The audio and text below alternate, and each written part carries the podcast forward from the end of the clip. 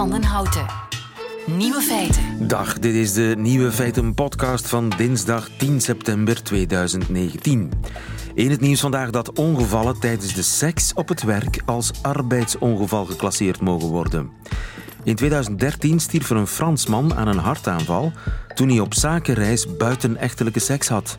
Kort na zijn dood besloot zijn familie het bedrijf aan te klagen, want als vader was thuisgebleven had hij nu nog geleefd. Maar het bedrijf vond dat het niet verantwoordelijk was voor gebeurlijke ongevallen in een hotelbed. De rechter in hoger beroep heeft nu beslist. Het is wel degelijk een werkongeval, want een seksuele ontmoeting is een handeling die bij het normale leven hoort, zoals een douche nemen of eten. Het bedrijf moet nu tot de pensioengerechtigde leeftijd van de man 80% van zijn laatst verdiende loon aan de familie betalen. Raar geld, volgens mij. De andere nieuwe feiten vandaag. Het parlement zet Boris Johnson klem. Kan hij nog ontsnappen? Hoe kijkt de gewone man naar het spektakel in Westminster? Walmart, de grootste Amerikaanse supermarktketen, verkoopt geen wapens en geen munitie meer. En want is veranderd. Het woord want. De nieuwe feiten van Bart Peters hoort u in zijn middagjournaal. Veel plezier. Nieuwe feiten. Worden ze daar in eh, Groot-Brittannië niet langzamerhand gek van dat Brexit-spektakel? Elke dag een nieuwe aflevering, zo lijkt het wel. Met nieuwe, bizarre plotwendingen en onverwachte demarches.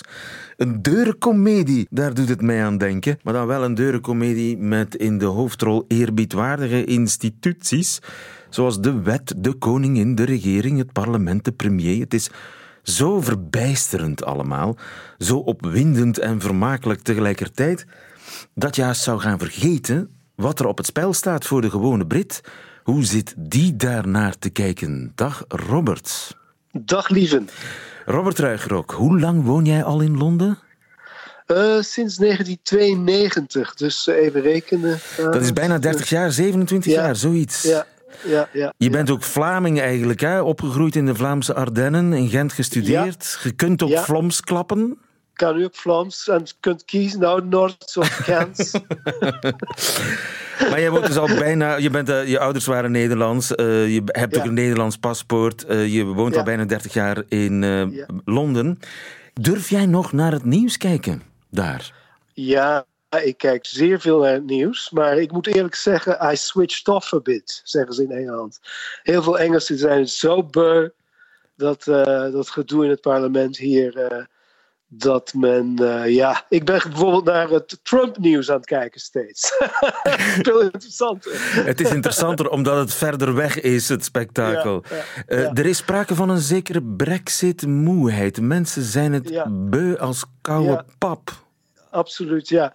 En het is zelfs zo erg dat mensen niet eens meer denken aan zich voorbereiden. Uh, ik krijg elke dag honderden e-mails, zou je kunnen zeggen, van de Government UK.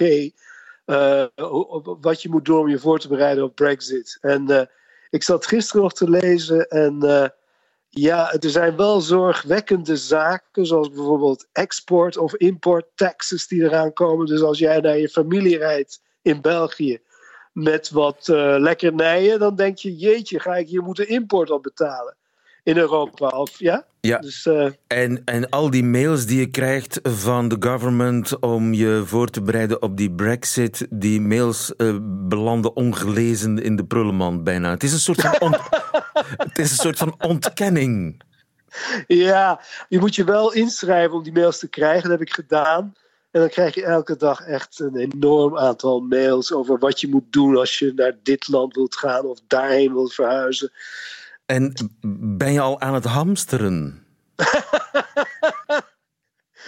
uh, ik heb gisteren even gecheckt met mensen hier in de omgeving en niemand doet dat, gek genoeg.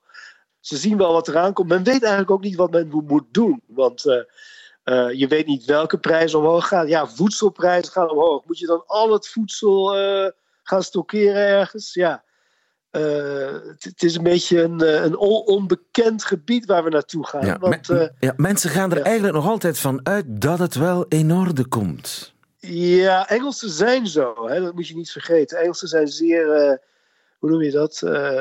laid back in English. Dus eh, ja, uh, ze passen zich aan. Ja. Stiff upper lip, ze passen zich aan. Uh, het, het erge is dat bepaalde Brexiters en mensen in het noorden vooral, die wiens families bijvoorbeeld hebben geholpen om de Tweede Wereldoorlog te winnen, die denken ja dat ze nog steeds in de British Empire leven. En, uh, en die passen zich zo graag aan aan omstandigheden om hun eigen ego te kunnen strelen. Dat zij een onafhankelijke staat zijn die niks met Europa te maken heeft dat ze zelfs, uh, they want to suffer in their own pocket, weet je. Ja, ja. Ze zijn zelfs bereid om, om, om te gaan lijden onder het verlies wat ze gaan, uh, wat ze gaan meemaken. Ja, het is een soort religie hè, voor die mensen. dat klopt, ja. Maar ja, het is enerzijds ook te begrijpen, want uh, mijn familie, aan de kant van mijn vrouw, die hebben nog in bunkers gezeten, zelf met kinderen. Hun broertjes en zusjes slepen naar de bunkers wanneer de wanneer de Duitse vliegtuigen over, over Engeland heen vliegen. Dus die, Ja. die willen eigenlijk heel weinig te maken hebben met, eh, met ja, het Europese bolwerk. Wat Dat- zich aan het vormen Dat is meer is en meer. die jouw vrouw is Brits, dat is die oorlog die nog altijd eh, op de achtergrond bij heel veel mensen ja, eh, ja, meespeelt. Nu, zal er iets veranderen voor jou persoonlijk? Stel, er komt toch een no-deal Brexit. Kan jij in Londen blijven wonen met je Nederlandse Ja. paspoort? Ja, ja, het is heel gek. Bepaalde mensen gaan al naar de website om citizenship aan te vragen. Eh, ik heb het nog niet gedaan. Ik denk wel als er een no-deal Brexit komt, dat ik zelf British citizenship ga aanvragen. En dat betekent dat kost me 1000 pond. Maar ja, eh, misschien is het ook een hele money-making enterprise hè, van de British government. Eh, heel veel mensen gaan dat aanvragen. Bovendien zijn er speculerende, zelfs ministers die banden hebben met speculators, currency speculators. Als de pond naar beneden gaat, kun je geld verdienen. Vergeet dat niet. Dus als je nu je ponden verkoopt en later terugkoopt, dan verd- dan verdien je heel wat als de pond naar beneden gaat. En daar zijn mensen mee bezig. Eh, er zijn zeker hedge funds en allerlei slimme mensen hier in London City zijn daarmee bezig. Eh, en, en, en Boris Johnson en al die eh, en al de, de rijke MP's zelf zi- zijn betrokken in dat soort financiële hedge funds en zo. Dus er is een, een soort toplagen elite die Ja. zich veilig gesteld heeft of zich veilig Ja. aan het stellen is. En Ja. sterker nog, die er een slaatje eventueel hoopt uit te slaan. Terwijl- Absoluut. Terwijl eigenlijk de gewone Brit, de werkende mens, die zal het gelag betalen. Precies, dat klopt. Ik heb eh, een, een, een, een vriend van mij, die, had, eh, die is directeur in een, in een spare part bedrijf voor auto manufacturing. Sorry voor mijn Nederlands, Nederlands Wisselstukken verkoopt hij. Wisselstukken, Ja. ja, ja. En die, die, hij, hij heeft, hij is finance director, hij heeft aandelen in dat bedrijf. Hij wilde het bedrijf gaan verkopen een paar jaar geleden. En dat kan hij nu gewoon vergeten, omdat de, de, de waarde van de aandelen enorm gedaald is. Door Brexit, omdat dat, eh, het, het aanvoeren van die eh, spare parts. Sorry, je zei daar een mooi Nederlands woord Wisselstukken. wisselstukken, dat, eh, dat gaat nu echt onder druk staan, die business.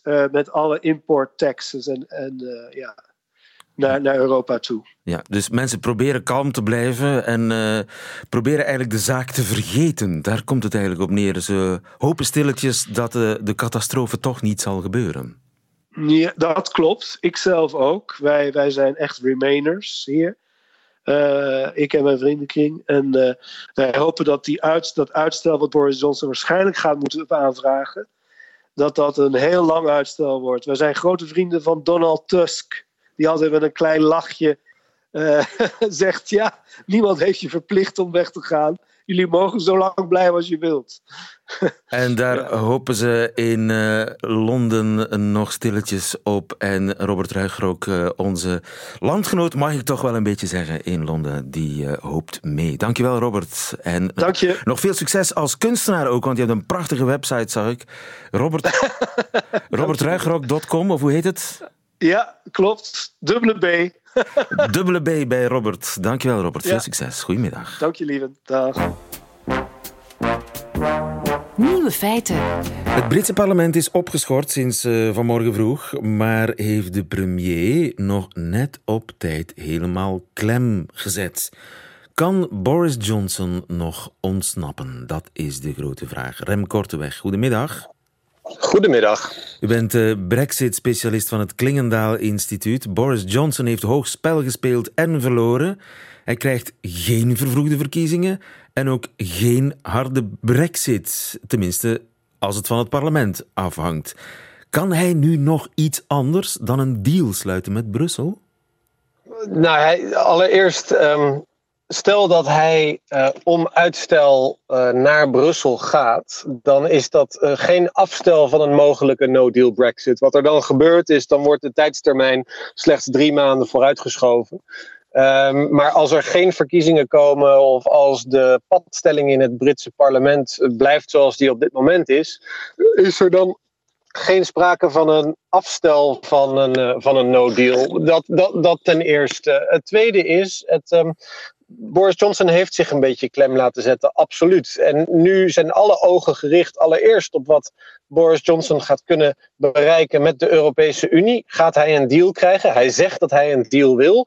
Uh, is er een aanpassing mogelijk in het uitredingsakkoord? We gaan het de komende vijf weken zien. En als over vijf weken het parlement weer terugkomt van zijn schorsing, ja, dan zijn er toch nog een aantal opties die uh, Boris Johnson zou kunnen uh, uh, pakken om uh, 31 oktober die deadline toch te halen. Hij zou bijvoorbeeld een motie van wantrouwen tegen zichzelf in kunnen dienen en daarmee het parlement klem kunnen zetten en dan de klok in zijn voordeel laten werken dat er op 31 oktober geen premier is, dus ook geen premier om een akkoord of een uitstel te vragen en dan valt het VK op 31 oktober uit de Europese Unie zoals hij beloofd heeft. Dus dat zou de allerlaatste kaart kunnen zijn die hij speelt. Motie van wantrouwen tegen zichzelf. Stel dat die motie het haalt, dan is er geen premier meer op 31 oktober. En kan die niet bestaande premier dus ook niet in Brussel uitstel vragen.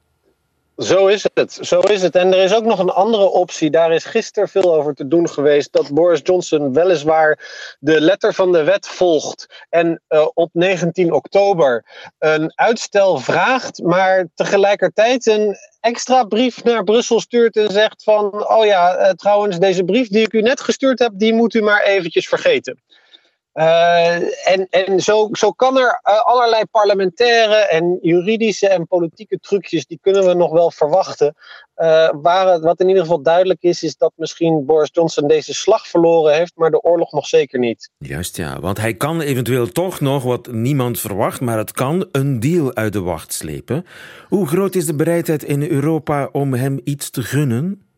Nou, dat is, dat is een interessant, interessante ontwikkeling van de afgelopen, nou, uh, afgelopen twee dagen. Dat er toch stemmen in, uh, in en rond uh, Downing Street 10 zijn dat Boris Johnson mogelijkerwijs een aanpassing zou willen van die Noord-Ierse uh, garantie, die backstop, waar zoveel over te doen is, dat die niet alleen maar voor het hele Verenigd Koninkrijk zou gelden, maar alleen voor Noord-Ierland.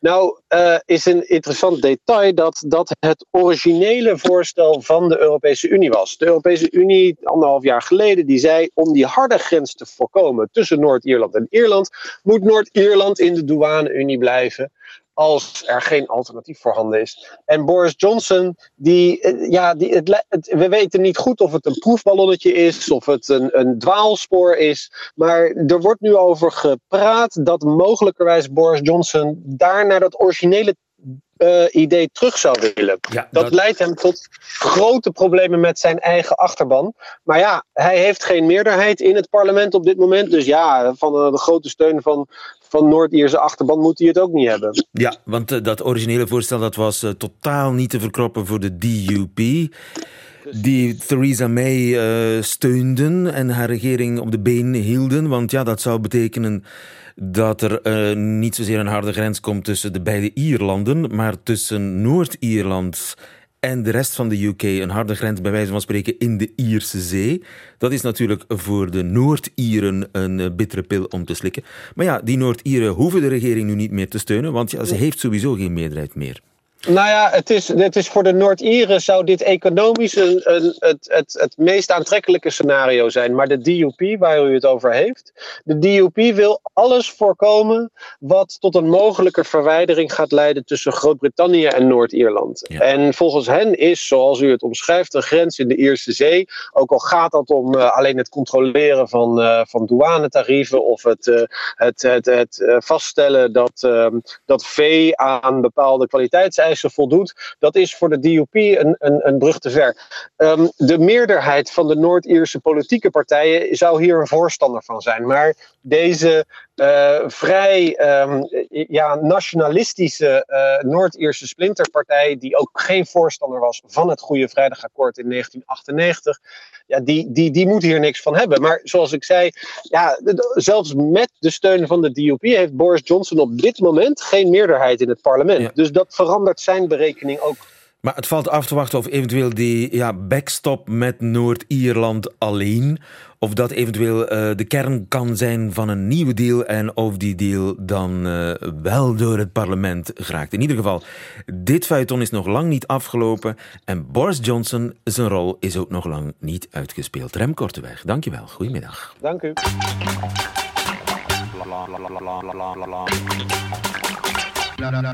Nieuwe feiten. Zou het ondenkbare in de States stilaan toch denkbaar worden? Namelijk gun control, zoals ze dat daar noemen. Een einde aan het vrije wapenbezit. Michiel Vos in eh, New York. Goedemiddag, of goedemorgen moet ik eigenlijk tegen jou zeggen.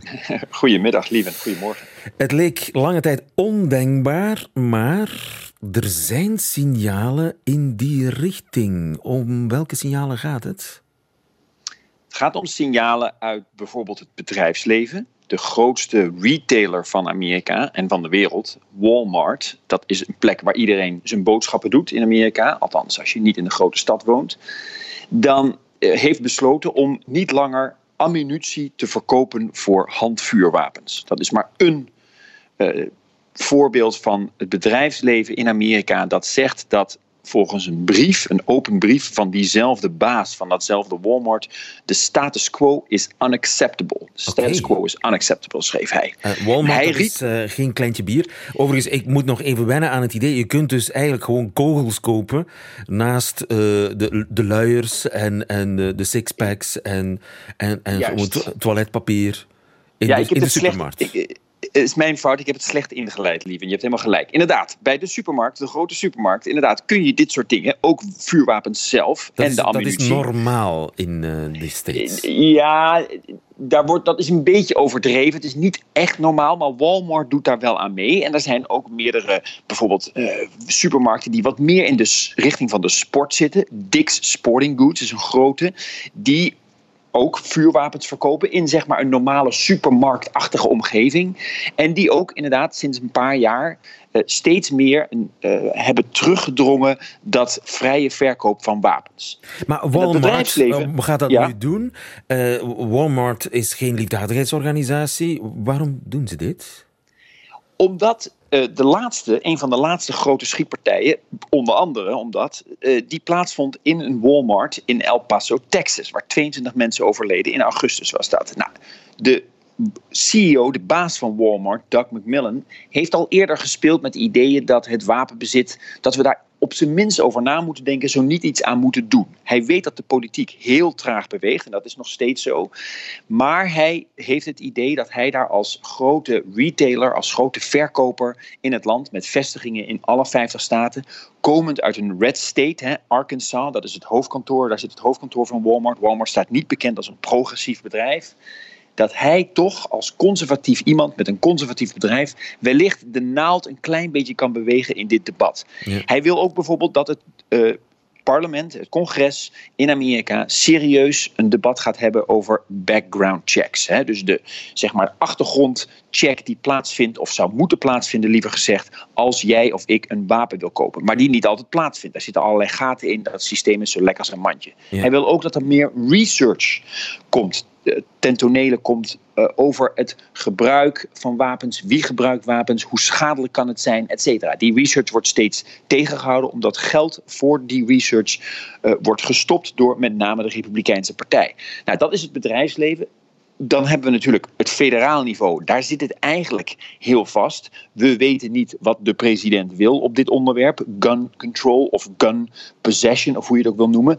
Trump uh, reageert als president steeds heftig na elke schietpartij en zegt: We moeten iets doen. We moeten niet bang zijn voor de NRA, de National Rifle Association, de grootste lobbygroep voor het wapenbezit. We moeten iets doen. Maar dan steeds krabbelt hij een paar weken later weer gewoontegetrouw terug. Ja. Dus ja, dan, gebeurt er, dan gebeuren er wel, want jij vraagt naar tekenen, dingen op lokaal niveau. Bijvoorbeeld San Francisco als stad, liberale stad natuurlijk, linkse stad aan de westkust, heeft als eerste stad diezelfde NRA als een terroristische organisatie bestempeld. Het zijn maar kleine uh, tekenen, maar het zijn tekenen aan San de wand. San Francisco beschouwt de NRA als een terreurorganisatie. Dat is niet niks, hè? Nee, dat klopt. En dat is natuurlijk, hè, Californië komen wel vaker de ideeën, politiek of anderszins vandaan, die vervolgens voor een deel worden overgenomen in de rest van het land. Dit is maar een voorbeeld van, er is een verandering van toon, van urgentie, van het idee dat er iets mogelijk is in dit onmogelijke debat. Want je zegt het heel terecht, het, is, het zijn maar tekenen. Hè, het is schier onmogelijk, want het wapenbezit is nou eenmaal heilig in Amerika. Maar toch zijn er de afgelopen zomer toch weer een paar grote incidenten geweest. Grote schietpartijen die mensen doen denken, dit kan toch niet. Ja, kun jij dat inmiddels begrijpen als uh, ja, nieuwe Amerikaan? Waarom dat wapenbezit zo cruciaal is voor de Amerikanen? Waarom ik begrijp wel... probleem ontkennen, dat is eigenlijk wat ze doen, hè? eigenlijk ontkennen ze het probleem en eigenlijk wijzen ze naar geschiedenis en naar het idee dat de vrijheid gepaard gaat met wapenbezit en dat een overheid, die toch al niet echt bestaat in Amerika, daar niet in moet treden. Dat begrijp ik wel iets beter. Ik vind het nog steeds een van de meest onbegrijpelijke onderdelen, facetten van Amerika. Het is natuurlijk ook hè, niet dit, maar andere facetten die Amerika zo interessant maken voor Europeanen. We denken dat Amerika vaak, net zoals bijvoorbeeld Europa is, maar we spreken Engels. Maar het is natuurlijk toch heel anders. En wapenbezit is zo'n onderdeel, ja, dat is totaal anders in Amerika dan in de meeste West-Europese landen. Ja, de Amerikanen ontkennen het. Ze worden ook het wordt ook ontkend door een van de twee grote partijen dat het een echt probleem is. Dat is het probleem. Ook in het politieke debat. En dan hebben we eigenlijk voor dat debat, zeggen veel mensen, een republikeinse president nodig. Iemand die heel conservatief is en dus vertrouwd wordt door conservatieven. Om wellicht een kleine beweging te maken in dit debat. Het kan niet gebeuren door een Barack Obama, want die wordt al niet vertrouwd door rechts-Amerika. Het moet juist gebeuren door een conservatieve president. Nou, nu is het parlement net terug van reces, zomerreces. En is er druk op de senaatleider Mitch McConnell om toch echt iets te doen. Die zegt dan heel handig, als conservatief, als man uit Kentucky. Ik doe pas wat met mijn republikeinse meerderheid in de Senaat aan een wetgeving, een strengere wetgeving, als ik zeker weet dat president Trump daarvoor zal tekenen. En daar zit dus de knoop op dit moment. Juist, daar zit de knoop. Ja. En wie weet wat Trump zijn volgende stap is. Dat is altijd uh, spannend. Uh, dat is een beetje uh, is alsof ik naar dat hij. Kijk. Ja, dat is Ja. Een, ja, inderdaad. Als ik zo, zo Het is eh, systeem Johnson, zeg maar. eh, of omgekeerd, Johnson die het systeem Trump. Heb je enig idee hoe groot de kans is dat, eh, dat er iets zal bewegen bij Trump? ik heb wel vaker bedacht dat er iets zou bewegen in Amerika op dit terrein. Ik ben heel cynisch en voorzichtig. Ik ben ook altijd een beetje bozig na een schietpartij op dit land, op mijn nieuwe land. Ik weet, ik moet heel eerlijk zeggen, ik ga gewoon zeggen, ik weet het niet. En ik denk dat niemand het weet, omdat Trump zo onvoorspelbaar is, niet alleen in dit dossier, maar in alle andere dossiers. En zijn oor toch steeds weer laat hangen naar een lobbygroep als de NRA, of er zijn ook andere lobbygroepen, die hij dan bezoekt en waarvan hij groot fan is en waar hij een kampioen voor wil zijn. Dat is toch zijn achterban. Hij heeft niet heel veel te winnen op dit moment, nog steeds om dat te wijzigen. Eh, gun eh, possession, hè, gun ownership, is een heilig iets in Amerika, voor een deel van Amerika. Het is ook een groot probleem voor de rest van Amerika, dat kijkt naar dit soort schietpartijen en dat zegt, luister, dit kan toch niet? We kunnen toch niet een, zeg maar een, een, een, een meedoend land zijn in de westerse maatschappij, eh, dat dit soort schietpartijen op zijn eigen burgers toestaat op een of andere manier. Of althans dat een systeem heeft dat dat niet tegenhoudt of vermindert. Ja. Dat kan niet. Ja, dan wordt het altijd op eh, mental health bijvoorbeeld, hè, mentale Ja, capaciteiten het- wordt het- gegooid. Er worden allerlei eh, redenen aangehouden, zolang we het maar niet over de gun of het geweer zelf hoeven te hebben. Ja, we zullen de, de Twitter-account van Trump in de gaten houden de komende dagen. En jij doet dat ook eh, voor ons. Dankjewel, Michiel Vos in New York. Goedemiddag. Geen dank. Geen dank. Nieuwe feiten. Er is iets aan de hand met het woord want. Het was mij nog niet opgevallen, maar mijn favoriete taalkundige wel. Goedemiddag, Mark van Oostendorp.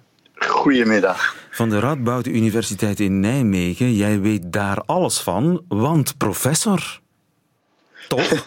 een professor in de wandkunde misschien nog niet eens zozeer.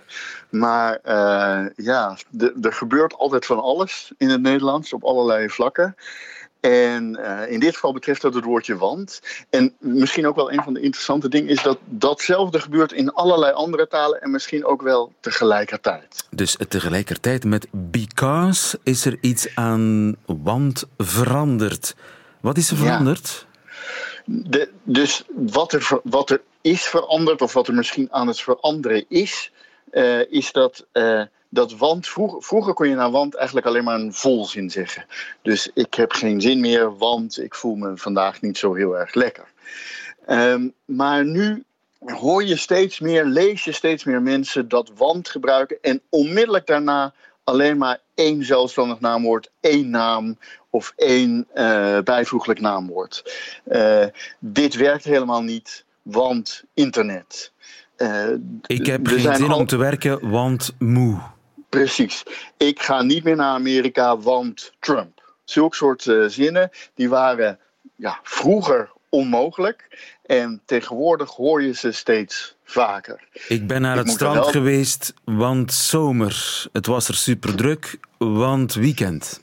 Ja, en misschien nog wel een heel intrigerend voorbeeld is: ik hou heel erg veel van koffie, want koffie. Oh, dat, dat, is, dat is wel uh, heel erg hip. Wat, wat zou dat kunnen betekenen? Ik hou heel erg van koffie, want koffie. Dat heb ik ook nou, nog nooit gehoord. Dat, dat, is alleen een hele hippe Amsterdamse kringen, denk ik. Nee? Ja, over dat hele hip en Amsterdamse valt ook nog wel wat te zeggen. Uh, namelijk, het klinkt inderdaad heel erg hip en Amsterdams. En uh, uh, ik word, je introduceert mij nu als eh, degene die dat heeft ontdekt. Maar 35 jaar geleden bijna schreef in Nederland weliswaar Jan Kuitenbrouwer zijn boekje Turbotaal. En daar beschrijft hij dit verschijnsel al, al in. Dus het, het loopt ook wel alweer een tijdje mee. Maar ja, en overigens, dat... Peter Gabriel zong toch Because Biko. Is Precies. dat niet ongeveer hetzelfde? De, ook dat, jaren tachtig? Dat is, dat is, het, dat is hetzelfde, ja. Uh, dus in het Engels gebeurde het toen al, in het Nederlands gebeurt het al. Maar het interessante is, het gebeurt ook in het Tsjechisch. Het gebeurt ook in het Koreaans. Het gebeurt in allerlei talen. En waarschijnlijk toch ook al in al die talen tegelijkertijd. Ja, dus maar ik hou van talen... koffie, want koffie. Wat betekent dat nu? Ja, voor mijn gevoel betekent het, ik hou van koffie, want koffie is nu eenmaal heerlijk. Ik hou, ik hou van koffie, want ja, het is koffie. Koffie is, uh, dat, dat is zo vanzelfsprekend. En ik denk dat dat sowieso erg in die constructie zit. Hè. Je legt het eigenlijk niet, je legt het logische verband niet uit. Je zegt want, want geeft een reden. En dan daarna geef je een steekwoord. En de luisteraar moet zelf eigenlijk maar bepalen wat, dan, uh, wat dat dan is. Je houdt eigenlijk informatie achter, je houdt woorden achter. En daarmee komt die betekenis des te sterker aan. Want je zegt, want koffie, want ik hoef toch niet uit te leggen dat koffie lekker is. Precies, sowieso is het altijd sterker als de luisteraar het zelf mag, uh, mag aanvullen. Dus iets wat je zelf hebt bedacht, dat, dat blijft altijd meer hangen dan iets wat je helemaal wordt uitgespeld. En uh, ja, in dit geval inderdaad. Dus het, het doet een soort beroep op we weten dat toch allebei. Ik luister graag ja, naar Radio ja, ja. 1, want Lieven van de Houten. Ja, dan iedereen weet meteen wat er bedoeld wordt. Ja, ja, dat maakt het eigenlijk sterker. Uh, dus het is geen luiheid. Het is niet zo van we doen dat, want weinig tijd. Nou ja, kijk, als het. Dus het heeft er misschien in die zin iets mee te maken dat. Uh, het, heeft niks te maken met weinig tijd, want nu heeft de ander tijd nodig om uh, te proberen uit te vinden wat je nu precies bedoelt. Het heeft, als het te maken heeft met luiheid, zou je kunnen zeggen: ik spel het als spreker niet meer helemaal uit. Dat kun je lui noemen. Ik leg het werk leg ik bij jou als, als luisteraar. En dat is iets wat je vooral doet in informele communicatie. Als je elkaar niet zo goed kent en als je min of meer op hetzelfde niveau staat. Als je net doet alsof je op hetzelfde niveau eh, staat. Hè, dan, dan, uh, het, de verantwoordelijkheid ligt voor de communicatie ligt niet alleen maar bij mij als spreker. Hij ligt ook minstens net zoveel bij jou als luisteraar. En zo scheppen we eigenlijk ook een sterker band tussen elkaar. We staan meer naast elkaar. En we, we zijn het meer eens met elkaar. Ja, doordat we allerlei dingen niet hoeven uit te spreken, zijn we eigenlijk sterker met elkaar verbonden. Dat, is, dat zit er ook in. Natuurlijk, dus dat, dat werkt twee kanten op. Dus als je elkaar goed kent, dan hoef je minder uh, uit te leggen. Hè? Dat, dat weet iedereen. Dus aan je geliefde op de bank hoef je minder uit te leggen over allerlei dingen. Want die weet allerlei dingen al. Dan aan een volkomen onbekende die je ja, toevallig Het, het is een, een, een spannende taalevolutie. Moeten we daar nu blij mee zijn? Ja, ik, ik denk eigenlijk over dat soort dingen altijd. Het, maakt niet uit of je er blij mee bent of niet. Het gebeurt toch. Sommige mensen zullen het dus- verloedering noemen. Ja, nou, dus, je kunt, dus je kunt dan uh, verschrikkelijk boos worden of je ergeren. Of, maar dat verandert niets aan het feit dat het gebeurt.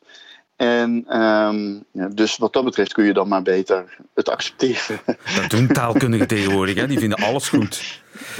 Maar zal dat, ehm, zal dat nieuwe wand zal dat ook doordringen in het formele taalgebruik? Zal je dat in kranten, serieuze kranten, beginnen tegenkomen, denk je? Nee, dat, dus dat is denk ik een van de interessante dingen hier aan. Dus een heleboel vormen van wat informeler taalgebruik, die worden misschien gaandeweg ook wel de standaard. Maar dit zal denk ik nooit de standaard worden. Waarom niet? Omdat het dus zoveel gepuzzel vereist. Hè? Omdat het, het is nooit echt precies helemaal objectief duidelijk. Je hebt altijd gemeenschappelijke kennis daarvoor uh, nodig. Dus, ja, ja. Het, een, dus een van de er is een supposé connu nodig om het op zijn Vlaams te zeggen.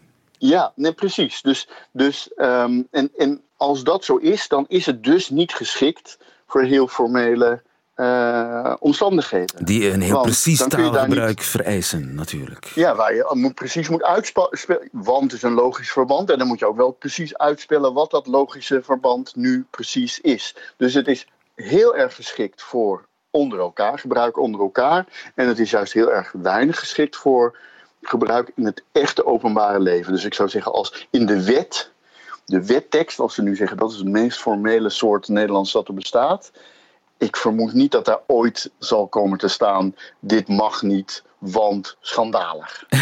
Mark van Oostendorp, dankjewel. Goedemiddag. Goedemiddag. Waarmee u alle nieuwe feiten gehad heeft van uh, vandaag, de 10e september, behalve die van Bart Peters. U hoort ze in zijn middagjournaal. Nieuwe feiten. Middagjournaal. Beste luisteraars, zoals u merkt zit ik deze week in de biechtstoel van Lieve van den Houten. Ik steek maar meteen van wal. Ik heb mezelf verraden. Ik was de laatste Mohikaan die vocht tegen smartphones en een leven waarvan de kwaliteit bepaald wordt door het aantal likes en wifi-streepjes. Nooit zou je mij vinden op Instagram. Ik was trots op mijn oude Nokia, waarmee ongeveer niks kon, maar die geweld tegen een betonnen muur kon smijten en dan was hij nog niet kapot. Die mooie dagen zijn voorbij. Het is nu echt om zeep. Ik kocht een smartphone. Ik ben nu ook zo'n neuroot die op Instagram doet uitschijnen dat zijn leven swingend is, met info die nooit dringend is. Maar er moeten grenzen blijven, vind ik. Vorige week had iemand van de opvallend jonge redactie van Merci voor de Muziek een cool idee. We beginnen een WhatsApp-groep dan weet iedereen altijd alles van iedereen. Ik heb me met klem verzet. Nog erger dan constant voor iedereen bereikbaar zijn is natuurlijk constant bereikbaar zijn voor iedereen tegelijk. Ik weet waarover ik het heb, want ik ben een passieve ervaringsdeskundige. Mijn vrouw zit namelijk in meerdere WhatsApp-groepjes. Dat is haar persoonlijke keuze, daar bemoei ik me niet mee. Ik kan het drama alleen maar met leden ogen vaststellen. Een van die groepjes heet Brussen. Zij, haar vier zussen en een broer, vandaar die naam. Het begint telkens bijzonder onschuldig. Els laat weten, ik heb een bonsaiboomeke gekocht. Anne, oh zalig. Trix, oh zalig. Marleen, oh zalig. Het zijn zussen, ze appen vaak exact hetzelfde. Weer Trix. En wat moet zo'n boometje te eten geven? Els, gewoon drie keer per dag wat water, Trix. En hoe groot wordt zo'n boometje dan? Broer Piet, ja, niet groter dan deze natuurlijk. Daarom is het een bonsaiboometje, Trix. Oh, zalig, Anne. Oh, zalig, Marleen. Oh, zalig. Els, ja, echt zalig. En dan gebeurt het. Een van de zussen merkt op dat Gita, de oudste zus, nog niet gereageerd heeft. Zelfs niet met een o-zalig. Dus hebt Els, zeg wat is dat met ons Gita? Waarom heeft hij nog niks laten horen? Waarop Marleen stuurt, pff, ons Gita heeft weer kopijn, denk ik. Iets meer menopauze. An, of had hij nu geen eierstokontsteking of wat? Trix, volgens mij is ons Gita gewoon jaloers op ons Els. Allee, op ons Els haar bonsaiboomeke. Waarop Marleen, bij ons Gita gaat zo'n bonsaiboomeke naar leven echt niet redden. Ze, hè? Zeker niet nu dat de Fred op pensioen is. En alle dagen thuis. Hé, Gita, Gita, emoji, emoji. S'avonds blijkt dat Gita en Fred er gewoon een dagje tussenuit waren naar Dinant en dat haar gsm plat was. En daarom ben ik tegen WhatsApp groepen. Tot morgen.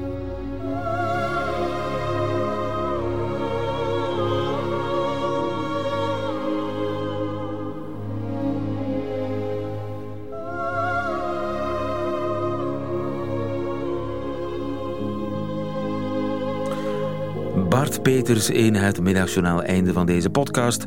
Hoort u liever de volledige uitzending? Dat kan elke werkdag van 12 tot 1 op Radio 1 of via onze app of website, waarop nog veel meer boeiende podcasts te vinden zijn. Graag tot een volgende keer.